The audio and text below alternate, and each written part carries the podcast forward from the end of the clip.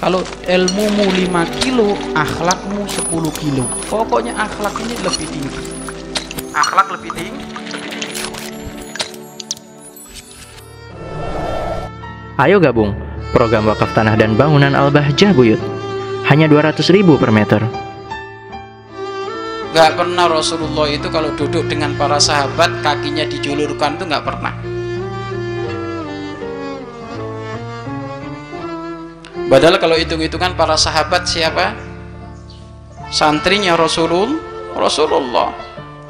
Tapi nggak pernah Rasulullah itu menjulurkan kakinya itu nggak pernah. Artinya apa? Rasulullah beradab dengan para sahabat, berakhlak mulia dengan para sah para sahabat. Padahal andai kan kalau ternyata kaki beliau capek tiba-tiba dijulurkan pun tidak masalah, sahabat pun akan ri akan ridho.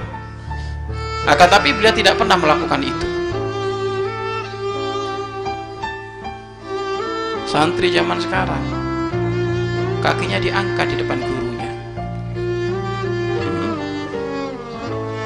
Tempat duduknya gurunya dipakai. Sandal gurunya dibikin mayoran. Hmm. Makanya keilmuan para sahabat dengan orang sekarang beda.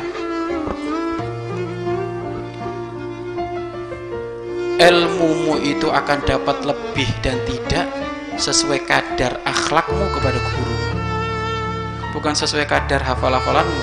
Bukan. Hafal-hafalan banyak iblis. Sombong.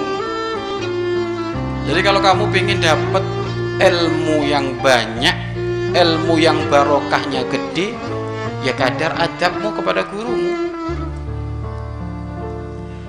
dan kalau engkau mengagungkan gurumu, maka engkau akan diagungkan orang. Jadi gini, di saat kau mengagungkan seorang guru,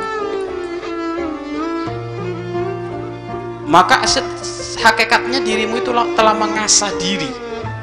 Mengasah diri untuk menjadi orang yang layak diagung, diagungkan.